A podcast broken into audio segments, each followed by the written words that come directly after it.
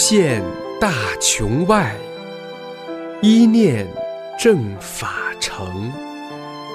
师尊慈悲愿，万物沐春风。请听明慧专题《一师恩》。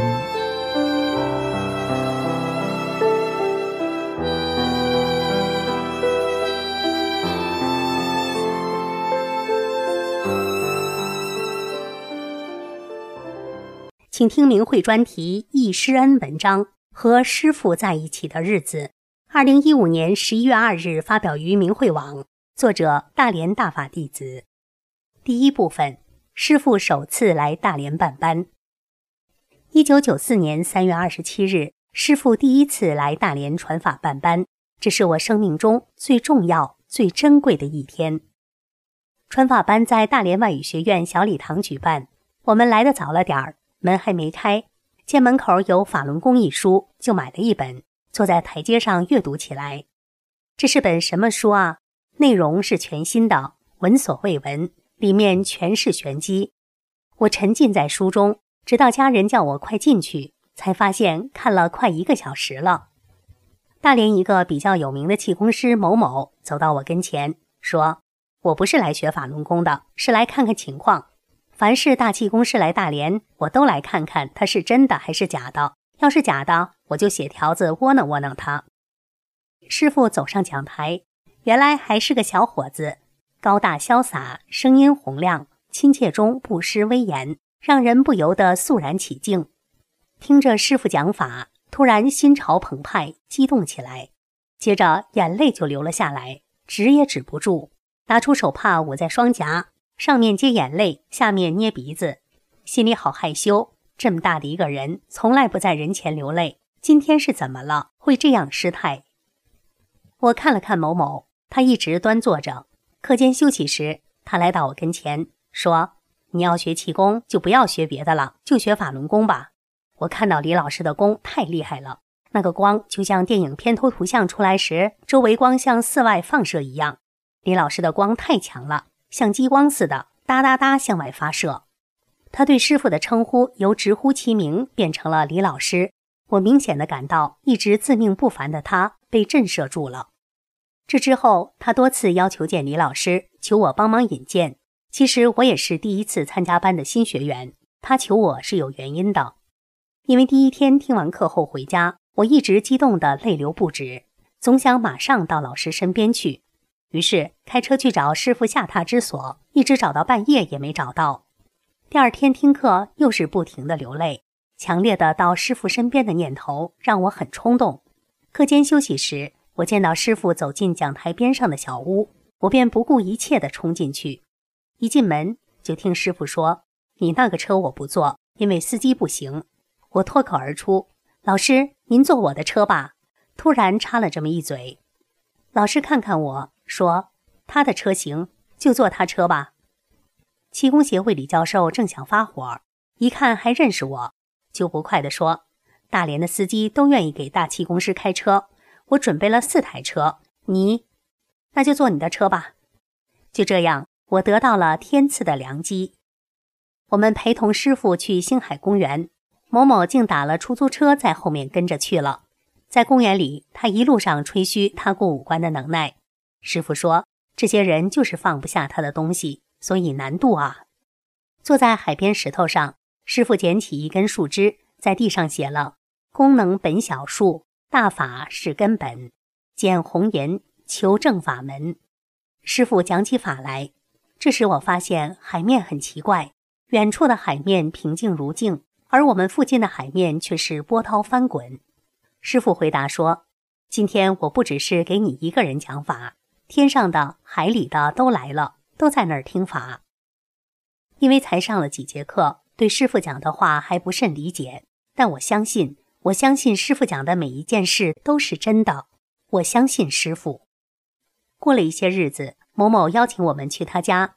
一进门，他拿出一幅画给我们看，画已经裱好，上面画了一条金龙出水，还有一个龙女在前面牵着龙须，画得活灵活现。他说：“这是那天在海边我亲眼看到的，龙王出水了。”我就叫大连的一位名画家来我家，我说他画画的和我看到的一模一样，不知是李老师带出来的，还是我带出来的。我不快地反驳说：“怎么是你带出来的呢？在海边，当时老师就说天上的、海里的都来了。尽管他说的不对，但这张画却是当时的纪实。”开班第四天，师傅来我家，十几位学员也赶来了。我们一起看师傅的交工带。交工录像带上，师傅穿着黄衣服，坐在草地上。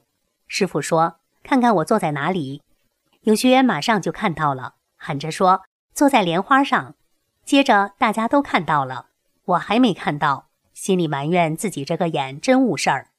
师傅说：“看不见吗？那就让他动一动，看得清楚。”师傅说完，我就看到了，师傅真的坐在莲花上，还不止一层呢，而且花瓣微微的在摇动。太神奇了，大家欢喜雀跃。师傅拿起盘中的西红柿，用手捂了捂，说：“谁吃了吧？”我忙说：“先别吃，放着看。”我把西红柿放到电视机上，又拿起另一个西红柿也放上去，做个对比物吧。突然有人喊起来：“快看，西红柿放光了，里面还有个小佛呢！”这次我也看到了，从西红柿的顶端发出一束翠绿的光，直达天棚。光里面真有个打坐的小佛，不仅西红柿，连对面的电视机墙面都发出翠绿耀眼的光芒。我们个个都喜笑颜开。晚上坐在沙发上，对面整个墙面、电视机都依然放着绿光，就属那个西红柿的光束最强。用作对比的西红柿软了就换个新的，一连换过四个。师傅拿过的那个还是好好的。到第十七天。因为怕坏了，便让孩子吃掉了。实际上还是我的悟性不好。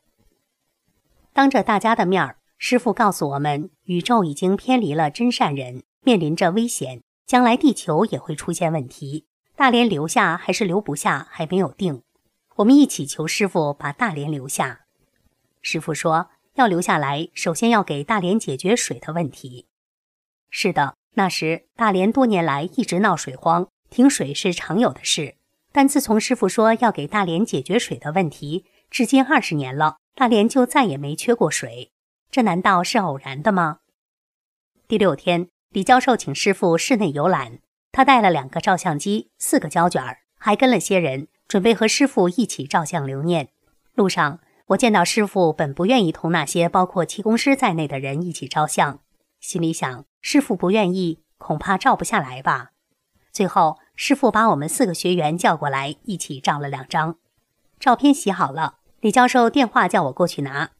进了门，他捧出一大堆报废了的胶卷，说：“太奇怪了，我去洗照片时，发现其中一个照相机里的胶卷不见了。”我说：“是不是家里人动照相机了？”他说：“绝对不可能，一直在我手里。另外几个胶卷洗出来了，可是你看，全都曝光了，只洗出来这两张。”我接过来一看，就是师傅让照的那两张。李教授激动地说：“我算知道了，李老师真的就是佛啊！”从一位教授嘴里听到这句话，心里的震撼非同小可。回家后，我仔细观看照片，发现有一张上面有两条龙，另一张上面有一把出鞘的宝剑。过后，我给师傅送去照片，说起这个过程。还问起龙和剑的照片是不是看得对？师傅说：“大连不是有两个海吗？两个龙王从我去大连就一直跟着护法。这把剑就是我那威力无比的宇宙剑。几年后在梦中，师傅曾把这把剑借给我斩杀妖魔，真是威力无比呀！剑在握，在空中挥几下，成千上万的妖魔瞬间化为乌有。有一天，和孙大姐夫妻一起拜见师傅。大姐介绍说，她一直有心脏病，许多年了，经常住院，医院四次下过病危通知，严重时不能躺下，只能抱着枕头坐着睡觉。我看到师傅把手放在桌子下，左手托着，右手在转动，而后师傅合起双手离席到外面去了。我告诉他们，师傅给大姐调整了。不一会儿，师傅回来，笑眯眯地说：“不用担心了，已经好了，没病了，以后好好修炼吧。”自从大姐走上修炼的路，二十年如一日，学法练功从不间断，而那个心脏病早已抛到九霄云外去了。四月一日和师傅去开发区，在吃饭的时候，师傅问我：“你戴眼镜是近视眼吗？”我说：“是的。”师傅说：“你现在看看前面的画，能不能看清楚？”我说：“看不清楚。”师傅用手在我背后由上到下推了三次，又问：“这次呢？”我回答：“比原来强了，但还是不太清楚。”师傅说：“可以摘掉眼镜。”我说：“不戴的话不得劲儿，再说人家看不习惯。”师傅说：“那就戴个平光的吧。”这一句一句的对话，看我当时的悟性真够差的了吧？一侧脸看见老刘虎着脸，用怪异的眼神瞅我，我一下子明白了，师傅在点我。我这么说就等于不接受，就像送电了但不开电门一样，是不能让灯亮的。我马上改口说：“看见了。”以后出差去日本，我真的买了一副漂亮的平光眼镜。但自此以后，我的眼睛好难受，戴着眼镜模糊，摘掉眼镜发花，戴也不是，摘也不是，一直持续了一年。有一天我看书，顺手把眼镜放在沙发上，回来时忘了这码事儿，一屁股就坐在了眼镜上，只听到咔一声，眼镜两半了。我突然悟到，这是师傅点化我，真的应该把眼镜摘掉了。我正好在看师傅的讲法答疑，有的学员就在问戴眼镜的事。师傅说：“戴眼镜也是业力的反应。”啊，我悟性太差了，怎么就不明白呢？我当即把眼镜丢到垃圾桶里。过了一会儿，我去火车站接人，站在火车站的高台上，我眺望远处，突然我发现眼睛不难受了。远方的广告牌上的电话号码也能看得清清楚楚。一直看着看着，看得一切都忘了，连来接人也忘之脑后了。客人拍了我的肩膀，我才发现。人已经下车了。有一天去师傅下榻的老干部招待所，服务员开了门，我随着就进去了。电视机却突然打开了，服务员也吓了一跳。我惊诧地回头看着师傅，师傅却微笑着说：“我进门就是这个样子。”这次的班有个特殊的人物，开课第一天，一位半身不遂的女子由丈夫背着来了，把门的学员不让他们进，说师傅是来办班传法的。不是来治病的，正巧师傅走到门口，说了声“让他们进来吧”。开课前，师傅在会场给他调治了几下，结果这位女子马上就能动了。学习班最后一课结束时，他走到台上给师傅磕头，感谢师傅救命之恩，这让全场的学员为之震撼。一个多月以后，我们找到他家，想看看他的近况，因为有的气功师也有当场见效的。但过几日，病人就又躺下了，我称之为现场效应。那他怎么样了呢？他住在五楼，楼下的邻居告诉我们，他现在不在家，去公园了，还说他天天上楼下楼，去公园锻炼，全好了。我们不必等他了，答案全有了。师傅真是了不起，岂是别的气功师可比的？学习班快结束时，师傅让学员写心得体会，我写了一遍又一遍。激动的泪水滴落纸上，最后交上去的那篇上面还是流了一滴。我写道：“几十年来，我一直不知自己要什么，以为是为名。但当了一个小官后，发现这不是我的追求。我以为是要钱，但有了一些钱后，发现也不是自己的所求。我彷徨，不知要找什么。参加了大法学习班，九天下来，我找到了自己追求的目标。”师傅把我的人生观和世界观全改变了，这心得体会可是我的心里话呀。学习班结束了，送师傅去下一站的锦州。锦州之行，师傅展现的神迹让我们大开眼界。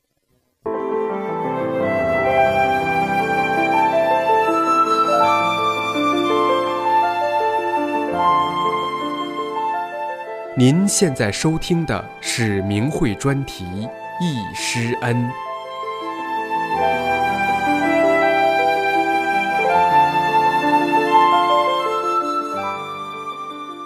第二部分，锦州之行。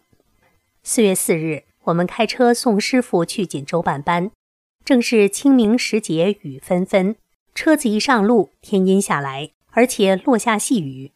我说：“师傅，下雨了。”师傅说：“下雨不好吗？”我说不好，路不好走。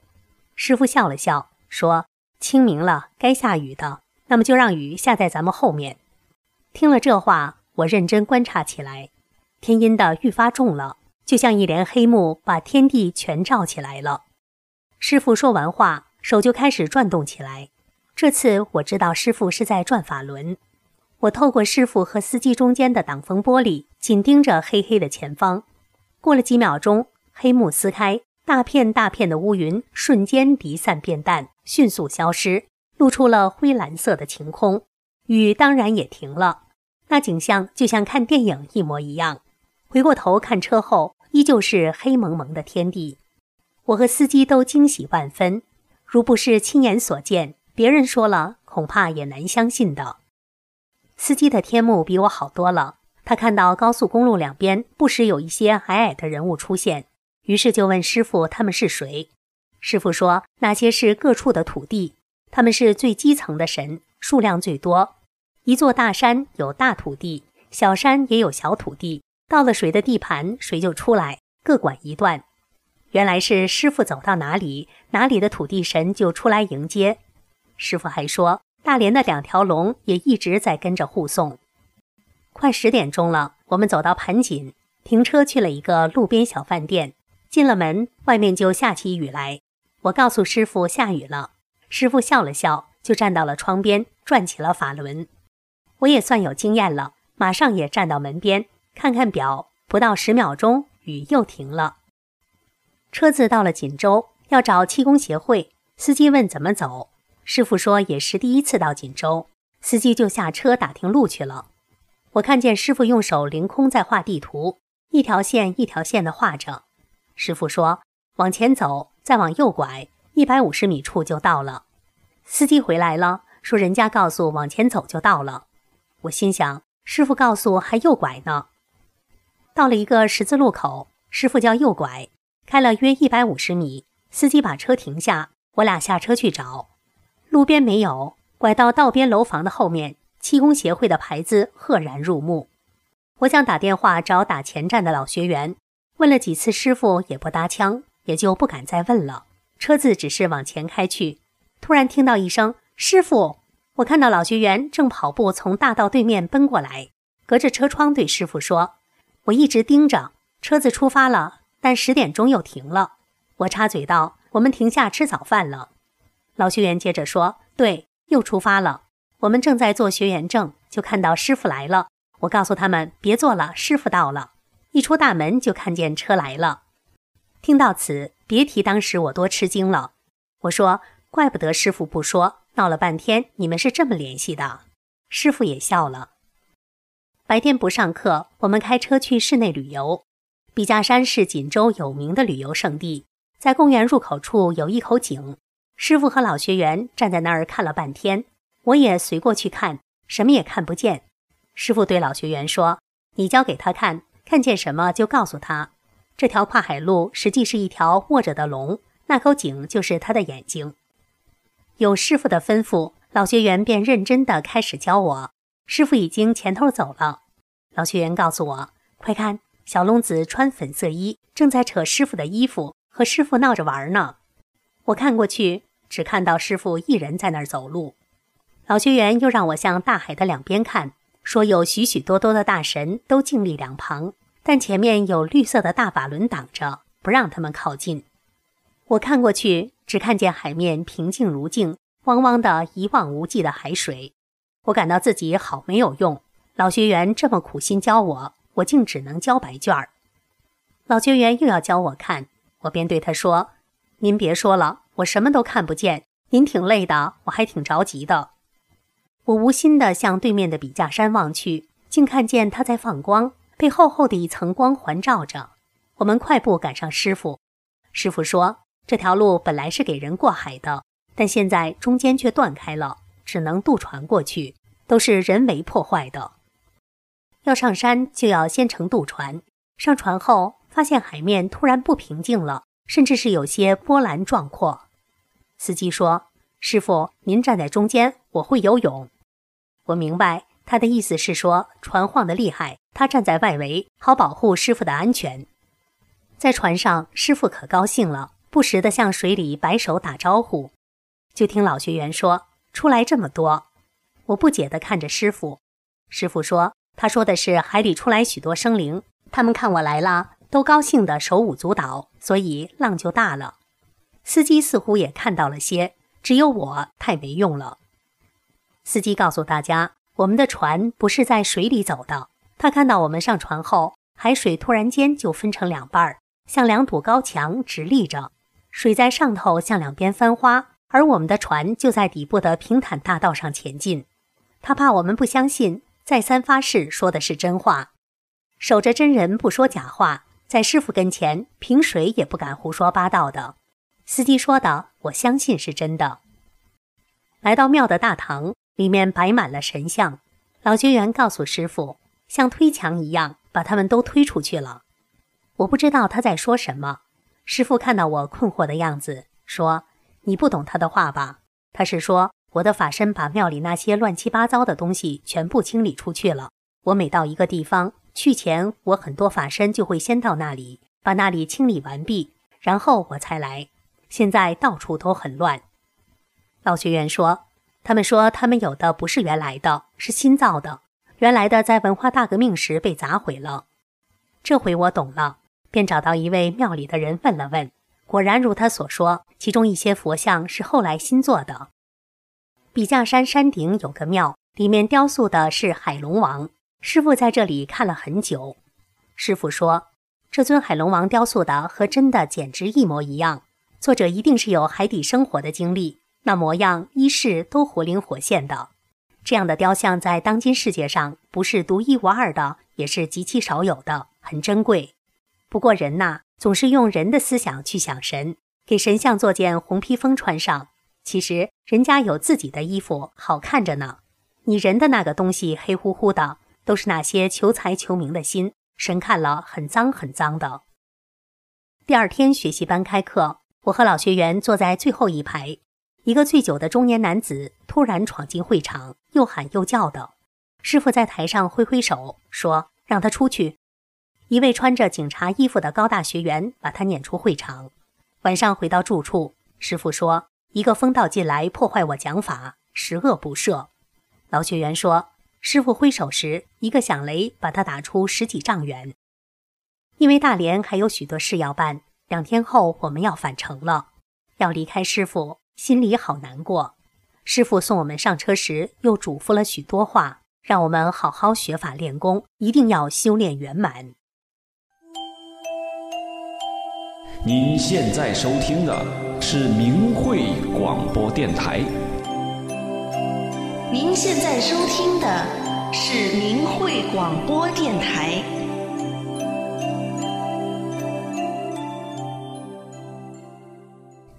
第三部分，成都听法。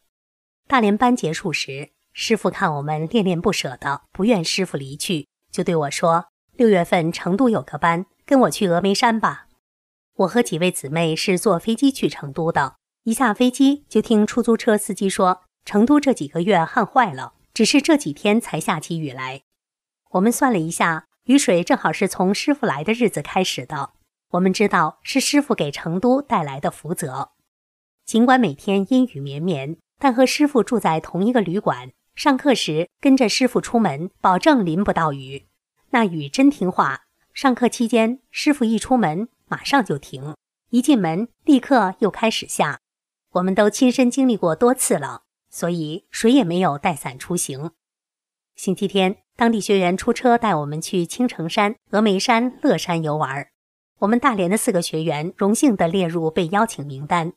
车子一路冒雨前行，青城山很美。我们到达时雨停了，在爬山的路上，师傅对我说：“你看我好像很轻松，实际上我背负着大法学员很大的业力，还要解决你们多少代数不清的历史渊源，就像三座大山一样压在身上，每一步都很艰难。我要不给你们承担，你们谁都修不了。”含着泪听师傅讲法。师傅的辛劳，师傅的担待，谁人理解，谁人知晓啊？今天师傅告诉了我，我就要永远和师傅心连心，哪怕为师傅担起亿万分之一，也死不足惜。爬山爬得个个汗流浃背，师傅给大家买黄瓜吃。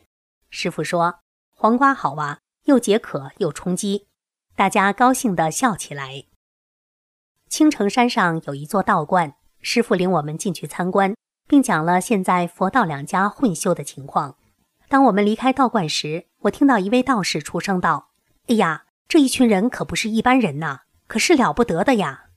我跑到师傅跟前说了这件事，师傅回头看了看，说：“这人根基还不错。”峨眉山是中国四大佛山之一，去的路上雨下得很大，到的时候虽然雨是停了。但雾气弥漫，空气十分潮湿，而且冷飕飕的。听说山上更冷，到处都有租借大衣的。我便请示师傅要不要租借几件。师傅说：“我看就买几件薄塑料的雨衣吧，又防水又防寒。”于是我用十元钱买了十件。师傅没要，说用不着。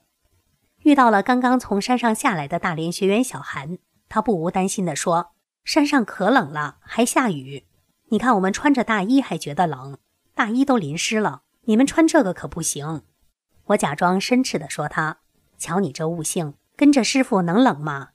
他也诙谐地回答：“是啊，悟性不好。”坐缆车到金顶，一位大姐挤到师傅身边说：“有龙。”师傅手指放到嘴唇上，示意要轻声。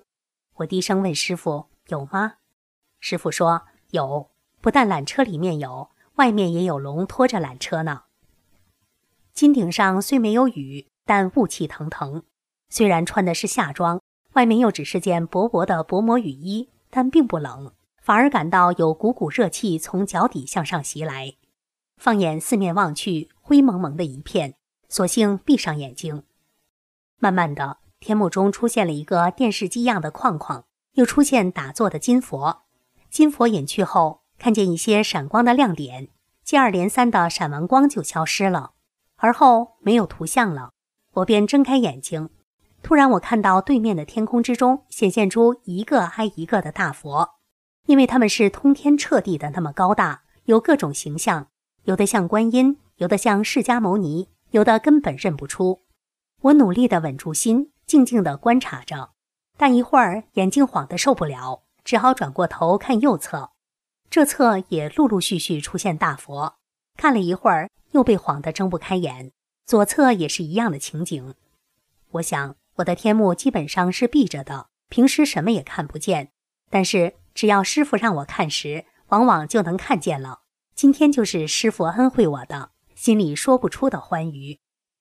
回到旅馆，大家互相交流着。师傅来到我们房间，大家起立欢迎。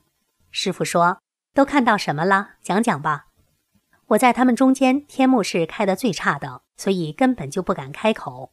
贵州的老姜说：“我今天看见许多大佛都来了，有释迦牟尼佛、阿弥陀佛、观音菩萨，还有耶稣、圣玛利亚、耶和华，有八仙，还有许多不认识的。”师傅说：“今天大佛全都到了。”我只问到：“我看见的很多闪光的东西是什么？”师傅告诉我。那是宇宙大爆炸的情景，星体解体，让你看到了。对呀，强烈的闪光过后就不见了。师傅说：“来，我给你们写个字吧。”说着，用右手食指在墙上写了一个大大的佛字。我看见那手指尖上射出的绿色光束。我问：“这字是不是永远留在这里了？”师傅点头说：“是的，以后谁住这房间可就有福了。”大家高兴地拍起手来。过了半个小时，老学员来了。一进门，他就说：“哎呀，师傅在这里写了一个字，什么字？”我赶忙问：“佛在哪儿？在哪儿？”他走到床边，手指在墙上画了一个圈儿，就在这儿。我们每个人都惊异的不得了。这时，我想起这位师姐说过的一件事：夏日的北京热得人气都喘不过来，老学员很胖，更是焦热难耐。他坐在大门外，心里想。这么热，师傅也受不了。要是有凉凉的西瓜给师傅解解暑，多好啊！就这么一想，一会儿就见一位学员捧着西瓜来了。他又想再来点别的也不错。一会儿又来了学员，送来几种水果。他心里挺高兴，心想事成啊。正要起身，师傅突然来到门口，严肃地对他说：“行了吧？还想要多少啊？”他吓了一跳。哎呀妈呀！我想什么，师傅都知道。今后可不能乱想了。去乐山一路上，我给大家拍了一整卷照片，师傅也用自己的照相机给我们拍了不少，大家欢声笑语，乐不可支。乐山大佛像有些破旧，有的地方都裂开了。老学员对师傅说：“他说他的第三个脚趾头痛，又说背后有水，很潮湿，不知是怎么回事。”我站在旁边听到了，便拉起他去看个究竟。第三个脚趾头有几处裂缝，还有人站在上面照相。我感到人真是造孽，连佛的身上也敢去践踏。我俩又爬上山，想看看佛像背后怎么了。原来山上的雨水汇成小溪，流到佛像背后，难怪说潮湿难受呢。原来泥塑的像也是佛体的一个身体，也有感受的。所以文化大革命中，有的人砸毁了佛像，不久就遭到报应，想必不是空穴来风。武汉的小徐对师傅说。乐山大佛是个女佛，也就十五六岁的样子。他给师傅合十礼拜，还说：“我佛如来在此。”师傅听完后告诉我，乐山大佛的层次仅能认识到如来。我当时知道佛道神们也未必知道师傅的根底，只能认为是如来驾到吧。该回去了，师傅大声喊起来：“法轮世界的，走了！”这是第一次听师傅称弟子是法轮世界的。心里美得够呛。照相机好怪呀，已经超过四十张，还能按下快门。我在被子里打开机子，一摸里面竟没有胶卷儿，明明已经放进去的，怎么就没有了呢？一切都不是偶然的，是不是我太执着了？是不是和师傅一起照相而产生欢喜心了？是不是我们几个人中有人会出去显示呢？再者，一路上全是师傅的神迹。也有天机不可泄露的因素吧。师傅还给我们照了不少照片呢，那不比我照的更珍贵吗？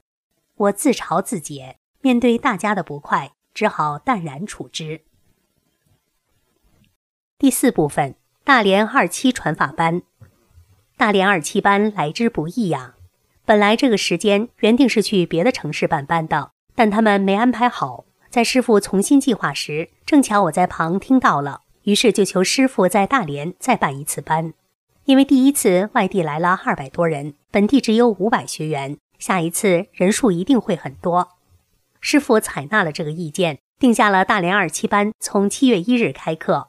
师傅慈悲救人啊！一天在我家，我听到师傅与老学员谈话，老学员问师傅票价怎么定，说第一次班是五十元，说真话，分给气功协会的提成后所剩无几。连费用都入不敷出。这次师傅的意见是老学员减半，那怎么处理？师傅顿时严肃起来，说：“你怎么能说这样的话？你知道我们是来干什么的？传法的，什么也没有法重要。不要在钱上打主意。学员不都是有钱的？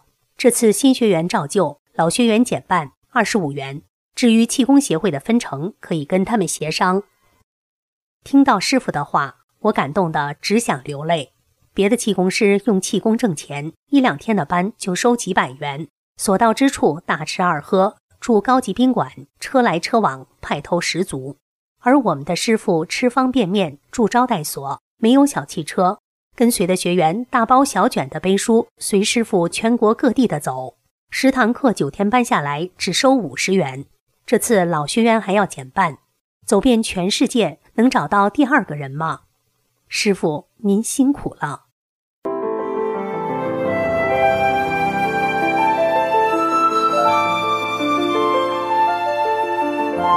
您现在收听的是明慧专题《易师恩》。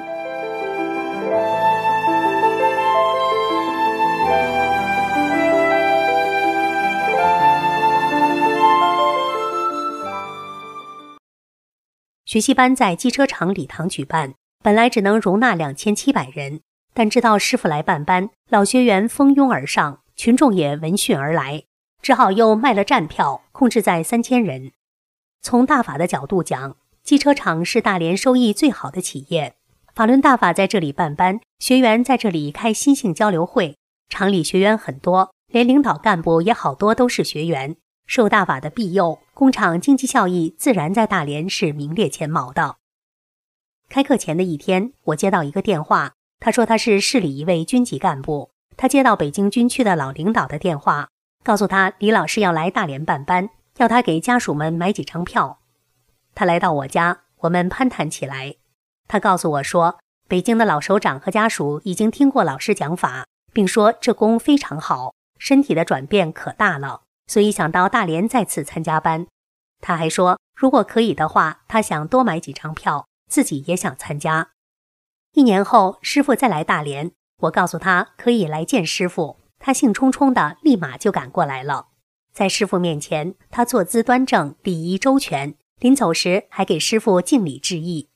我送他出门时问他：“您戎马生涯一生，现在又是军政委，您信佛法吗？信李老师吗？”他说：“我信。李老师威德太大，任何人在他面前都会被他盖住的。”这话说的真好，说到我心眼儿去了。真的是任何人都会被师傅的威德盖住的。要开课了，老学员把学员证给我，他说这里面有师傅亲手做的两百张，同时递给我几张，说这就是。我分给了几个人，这张学员证至今还保留着，上面有师傅的印鉴。这次师傅是结束郑州班后来大连的，郑州班上发生的事，很多学员都知道，师傅在法中也讲过。不过，在这里，师傅讲的内容比较详细些。师傅告诉我们，在讲法时，有一个很大的类似恐龙一样的动物来干扰，结果狂风大作，鸡蛋大的冰雹噼里哗啦把学习班礼堂的屋顶都砸漏了，电也没了，课没法上了。有的学员送上手电。这天的事，当地报纸都登出来了。师傅看他如此嚣张，不知天高地厚的肆意破坏传法，于是就出手了。那个东西挺厉害，要是没有点真本事，还治不了他呢。但在师傅这里，他什么也不是。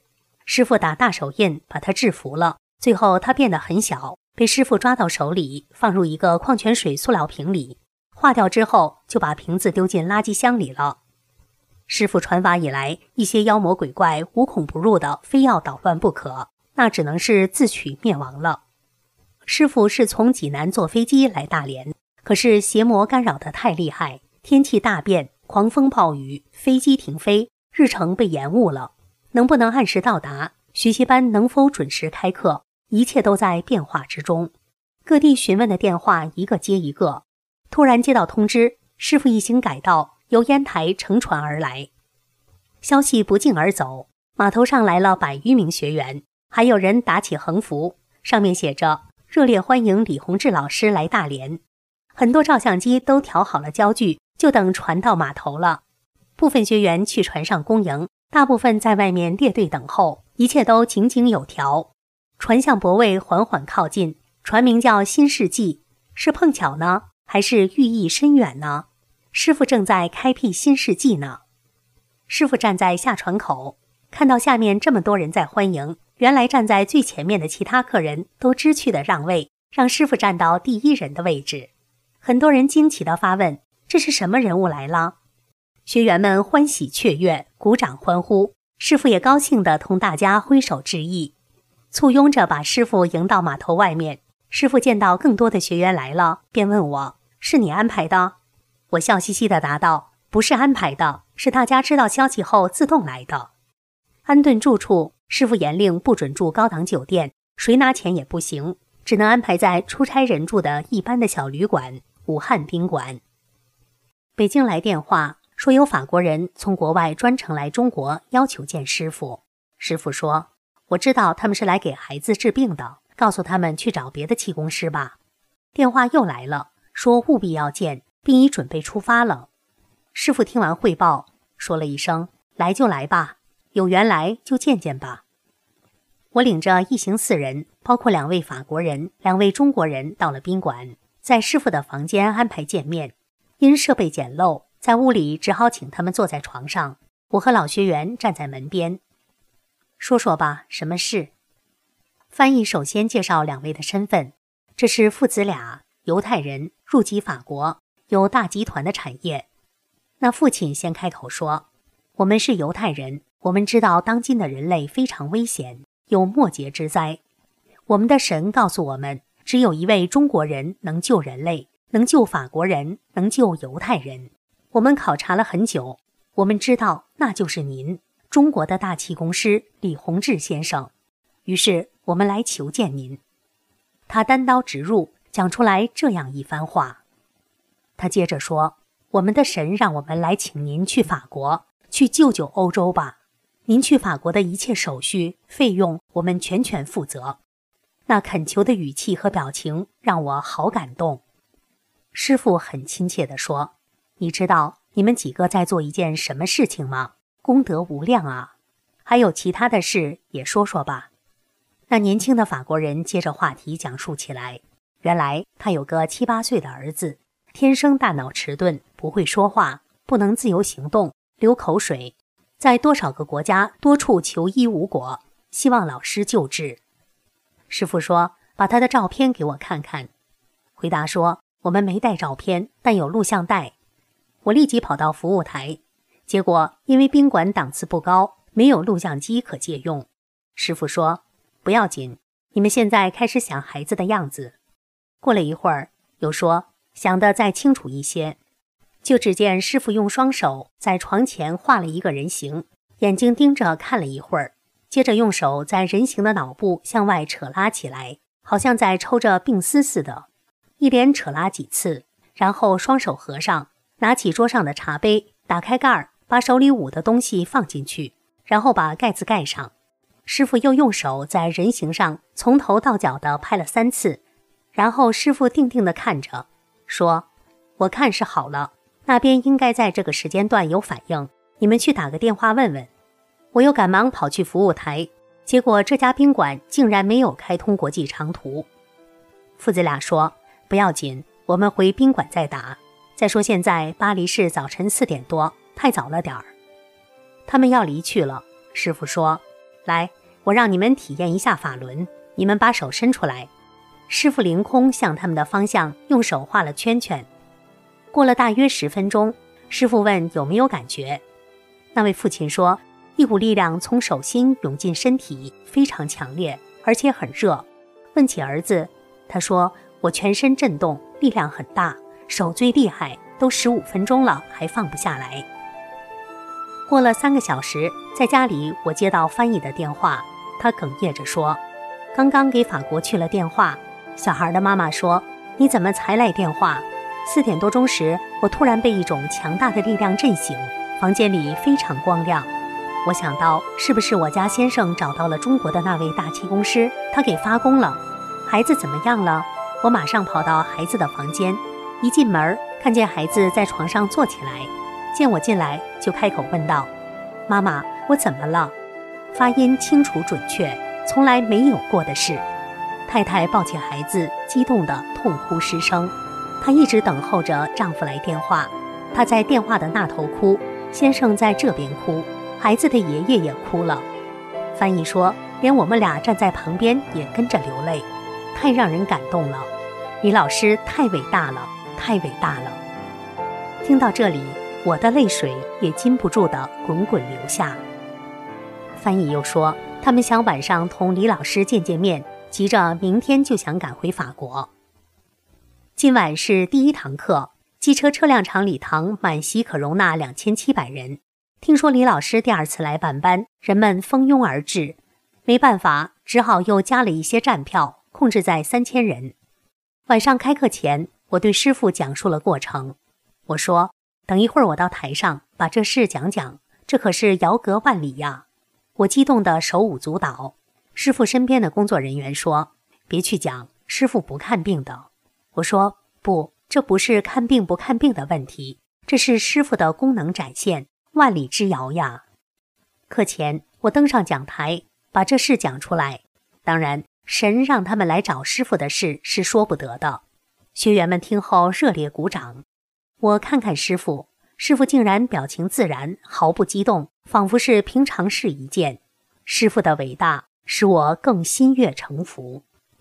晚上，我安排了一家饭店，请法国一行四人同师傅一起就餐，听他们讲了电话的过程。自然又是一番感谢和激动，边吃边谈，又一次敲定了请师傅去法国的事。席间，我用相机照了几张相，照片洗出来，只见墙面上有许多我看不清的影像。师傅说：“来了许多神，他们的犹太神也来了。你知道犹太神是谁吗？就是你知道的诺查丹马斯。四百多年前的诺氏预言兑现了百分之九十九，他就是来告诫人们会有大劫难，所以他最后的那个人类毁灭的预言，人们就会相信这个灾难定下来是真有的。但我来传法就不能按原来的安排走，我会给变的。那个大劫难不会存在了，但坏人会被清理的，人死的太多了，相当可怕的。如此重大天机，师傅告诉了我。我真有点受宠若惊。二七班师傅宣布成立辅导站，鼓励大家一定要好好学法练功，一定要修心性，一定要圆满功成。陪师傅去旅顺，在船上，师傅迎着海风，遥望大海，同海军学员说着话。大连的军人学员好多好多，陆海空三军的全有，他们修的都特别好。师傅曾对我说，很喜欢这些军人。他们的执着心比较少，悟性也高。在黄渤海分界线，师傅可高兴了，可能又是空里的、海里的都来了吧。我虽看不见，但能感受到师傅的愉快情绪。师傅的右手托在半空中，说：“看我手里。”事后，天目好的旅顺辅导员告诉我，师傅手里托了无数的大佛，还有许多许多。回来看录像，天哪！军舰的周围，天空中全是法轮，大大小小，一望无际。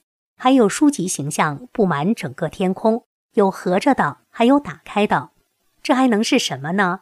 当然就是师傅的大法书了。看录像的学员都看呆了，太了不起了！一定要跟着师傅走到底。